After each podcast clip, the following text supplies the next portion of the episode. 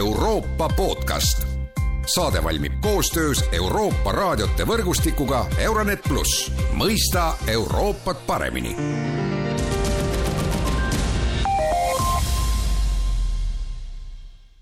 tere jälle kuulama Euroopa podcasti.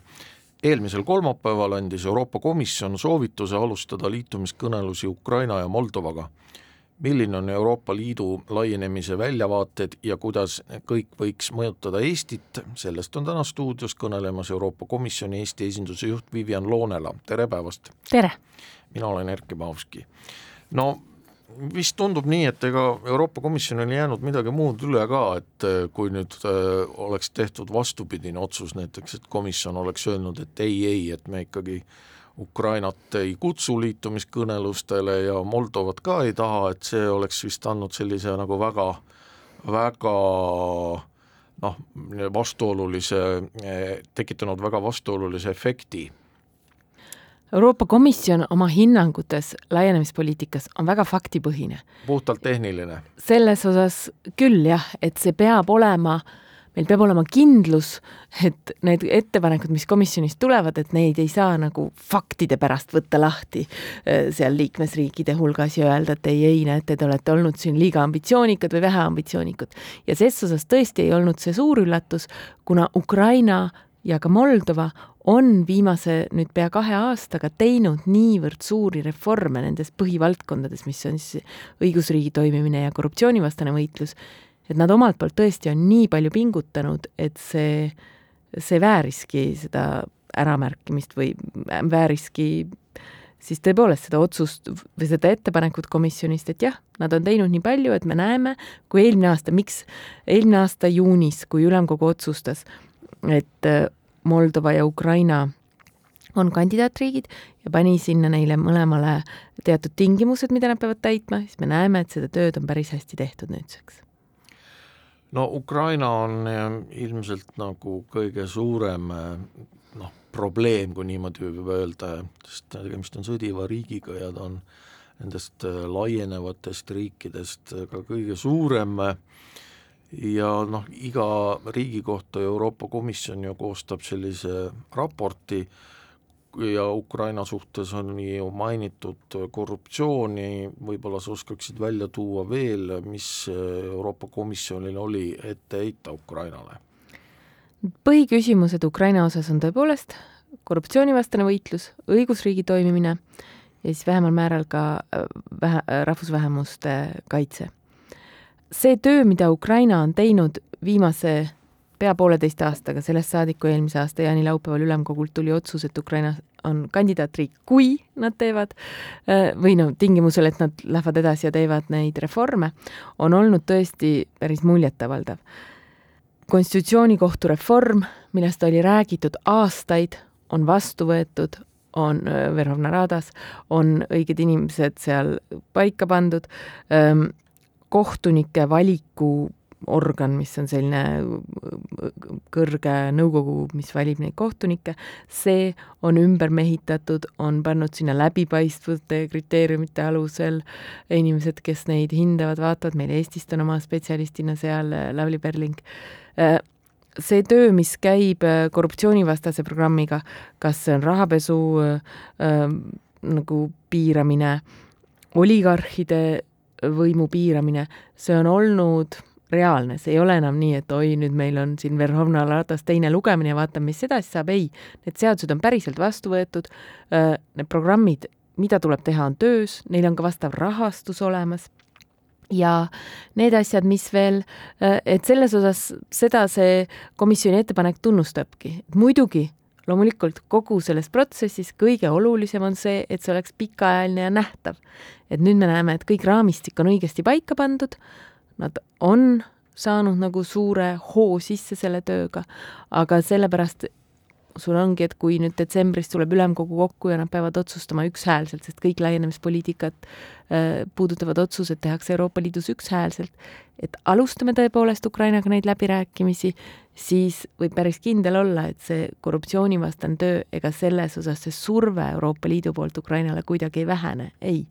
Seda on vaja, et see oleks endiselt tugev ja, ja nad toimetaks sellega edasi. no Euroopa Liit vist ei saa lubada Ukrainale ka mingisugust kindlat tähtaega, sest noh, Bulgaaria, Rumeen-, Bulgaarial ja Rumeenial lubati kaks tuhat seitse ja noh, me näeme, et nad siiamaani tegelevad mitmete probleemidega noh, siin Charles Michel, Euroopa Liidu Ülemkogu eesistuja, on öelnud, et äh, Euroopa Liit võiks olla valmis laienemiseks aastaks kaks tuhat kolmkümmend, noh, see eeldaks siis seda, et need läbirääkimised kestaksid seitse aastat, noh meil, meie läbirääkimised kestsid palju vähem, noh umbes neli aastat, et äh, isegi see seitse aastat tundub mulle väga optimistlik stsenaarium eks see on nii ja naa, ma arvan, võtame, mis on poliitiline reaalsus. järgmine aasta on Euroopa Parlamendi valimised, tuleb uus komisjon, laienemisvolinik saab kindlasti väga-väga oluline olema seal. Ja, ja võime noh, kiila vedada, võib-olla ka võime olla üsna kindlad, et äh, see poliitiline surve selleks, et nüüd tõesti edasi minna nende sammudega, see on ka Euroopa Liidu jaoks vajalik, ega me ei tee seda ainult ju Ukraina ja Moldova pärast, see on meile endale ka väga kasulik, see on, see on midagi, äh, millel on äh, suur poliitiline toetus, siis ma arvan, see surve võib olla, seda me ei teagi ette aga kas me kujutame ette, et on järgmine komisjon, kes istub terve oma viis aastat ja siis ütleb, et jah, väga hea, liikusime li liitumisläbirääkimistega edasi, ei tea, ma arvan, seal poliitikutel on ka kindlasti suur huvi, et teeme nüüd, me peame kuskile ka otsusteni jõudma, aga seda me näeme, seda ei olegi mõtet siin tegelikult ette ennustada. see sõltub sellest, kuidas nad lähevad, meil on ka märke ju sellest, et muidugi ega need läbirääkimised ei saa olema selline lust ja lillepidu terve aeg. vaatame kas või, mis on olnud nüüd äh, sellest suvest saadik viljaleppega seoses Ukrainaga siis loomulikult see on suur riik, väga toimiva põllumajandussektoriga, väga ka sõja ajal väga produktiivse ja ja, ja hästi organiseeritud põllumajandussektoriga, et seal kindlasti tulevad need läbirääkimised päris tihedad ja samal ajal me peame ju oma, omalt poolt Euroopa Liidus vaatama, mida me peame ümber vaatama, mida me peame teisiti tegema. Euroopa Liidust tahakski rääkida, aga enne veel, et äh, Gruusia, et äh, kuidas siis Gruusia nüüd äkki kandidaatriigi staatuse sai, et äh, on ju ka praegune Gruusia valitsus noh, ikkagi pigem sellistes sõbralikes suhetes Venemaaga ja ja noh, see Euroopa suund või see lääne suund, mis oli Gruusial, ütleme pärast rooside revolutsiooni, see on ju mõnevõrra raugenud. on, aga samas ma just vaatasin, kui see eelmine nädal see otsus välja tuli, siis Euroopa Liidu suursaadik Gruusias, minu Poola kolleeg Brüsselist, Pavel Hersinski, ta ütles oma selles avalduses seal, et ma ei ole kohanud, tema siis, Pavel Hersinski, ei ole kohanud ühtegi grusiini, kes ei tahaks, et, kes ei nõuaks seda, et Gruusiast saaks äh, Euroopa Liidu kandidaatriik. ja ma arvan, ses osas see komisjoni hinnang näitabki seda reaalset olukorda Gruusias. rahvas toetab väga seda, et Euroopa Liit on nende valik. see teiselt poolt näitab see komisjoni hinnang ka seda, et me olemegi muutunud olukorrast selle suuremahulise sõjaga Euroopas, arusaam sellest, et meil mingeid halle alasid meie piiridel, see ei ole enam kuidagi ka meie enda huvides. ja ses osas, kui meil õnnestub siis Gruusiale näidata, et näete, kui te teete reforme, ka teie saate sinna, et me alustamegi päriselt neid, saate kandidaatriigiks, hiljem alustame läbirääkimisi. Ja selleks muidugi need mm, sammud, mis Gruusiale ette pandi, mida nad peavad tegema. Seal komisjoni hinnangus on palju-palju kaugeleulatumad kui need, mida Moldova või Ukraina said eelmine aasta, sest meil on ähm, kahjuks olukord, kus ongi probleemid, ma ei tea, opositsiooni lämmatamise või inimõiguste küsimusega, meediavabadusega, ta on hoopis teises osas, hoopis teises äh, ütleme nagu hoopis teisel kaugusel oma liikumisest Euroopa Liidu poole, aga kui komisjoni sees käis see arutelu, et mis me siis teeme Gruusiaga, siis oli selge see, et ei ole mingit mõtet või noh, kasulik on siiski neid innustada ja näidata, et näete, kui te muudate, siis see annab teil võimaluse ka midagi saata, saavutada. Ja seda me nägime ju ka Gruusia presidendi või Gruusia rahva hinnangutest tegelikult, neil oli tohutu rõõmupäev sellest ja see annab ka jõudu juurde nõuda tõesti neid muutusi siis riigi toimimises. aga nüüd Euroopa Liit, et no ei ole ju mingi saladus, et, et praegu ju tehakse igasuguseid ettepanekuid ja raporteid ja stsenaariume, kuidas Euroopa Liitu reformida, sest kui tuleb juurde Ukraina, aga, aga veel teisi riike ka, Moldovast juba rääkisime, aga potentsiaalselt ka Lääne-Balkani riigid, siis Euroopa Liidu liikmesriikide hulk läheb üle kolmekümne, mis tähendab seda, et see kõik Euroopa Liidu otsustusmehhanism muutub, et praegu näiteks Saksamaa välisminister Anna-Lena Baerbock on teinud ettepaneku, et Euroopa Komisjon peaks jääma sama volinike arvu juurde ja ta ise seal tegi ettepaneku, et Saksamaa võib oma voliniku kohast loobuda, et noh, see asi üldse töötaks, aga see puudutab ju tegelikult ka kõiki teisi struktuure, see, see laienemine, eks ole, ma mõtlen siin ka Euroopa Parlamenti, ka see, eks ole, kuidas võetakse otsuseid vastu Euroopa Liidus, et praegu näiteks noh, mitmel olulisel alal, ütleme seal äh, maksustamisel või välispoliitikas on ikkagi riikidel vetoõigust, äh, aga, aga siis äh, peaks seda tegema kvalifitseeritud häälteenamusega, et üldse Euroopa Liit saaks toimida, et noh, ta, et ta ei oleks nagu ÜRO, kes teeb küll mingisuguseid äh, loosungeid ja hääli, aga kellest mitte midagi ei sõltu, eriti praegu, eks ole, kui me vaatame Ukraina sõda või ka Iisraeli Hamasi sõda, et et äh, me peaksime vist hakkama ka selle üle arutama Eestis tasub kindlasti alustada seda arutelu, sest teised seda juba teevad. viitasid Saksamaale, Prantsusmaale, äh, see jah, surve on tõepoolest sinna, et me peame muutma neid otsustusprotsesse, protseduure Euroopa Liidu sees ja liikuda siis, seda on Saksa ja Prantsusmaa välja öelnud, et peaksime liikuma näiteks nendes põhiküsimustes, kus veel on jäänud ükshäälsus, kas välis- ja kaitsepoliitika või, või eelarve- maksuküsimused, liikuma ka seal äh, kvalifitseeritud häälteenamuse juurde poole mm,. nüüd ma arvan, enne kahe tuhande neljanda aasta suurt laienemist oli seesamad, hirmud olid samasugused, kuidas see hakkab toimima, mis meist nüüd saab. vaatame, mis siis selle pea kahekümne aastaga on juhtunud, meil oli suur finantskriis, kus me tegime väga suuri otsuseid tegelikult, kujundasime ümber selle, kuidas Euroopa Liidus eh, finantspoliitikat tehakse, millised on riikide roll, milline on komisjoni roll ja see oli tehtud, see tehti ära niiviisi ükshäälsena. võtame viimased aastad, alustades koroonakriisiga, see on tervisevaldkond, kus ei olnud üldse Euroopa Liidu kompetentsi, me jõudsime ühishangeteni ükshäälselt. ütleme, energiakriisi, kus me teeme gaasiühishankeid, ka ei ole kunagi varem tehtud või, või seesama sõja puhul Ukraina toetamine, tegelikkuses, mis ma tahan öelda, on see, et me oleme teinud väga palju hoolimata sellest, et meil ei, meil on seal see ükshäälsus. et lõpuks oleme olukorras, kus kui on õige asja eest väljas, siis on sellest ka arusaam. muidugi äh, ei ole,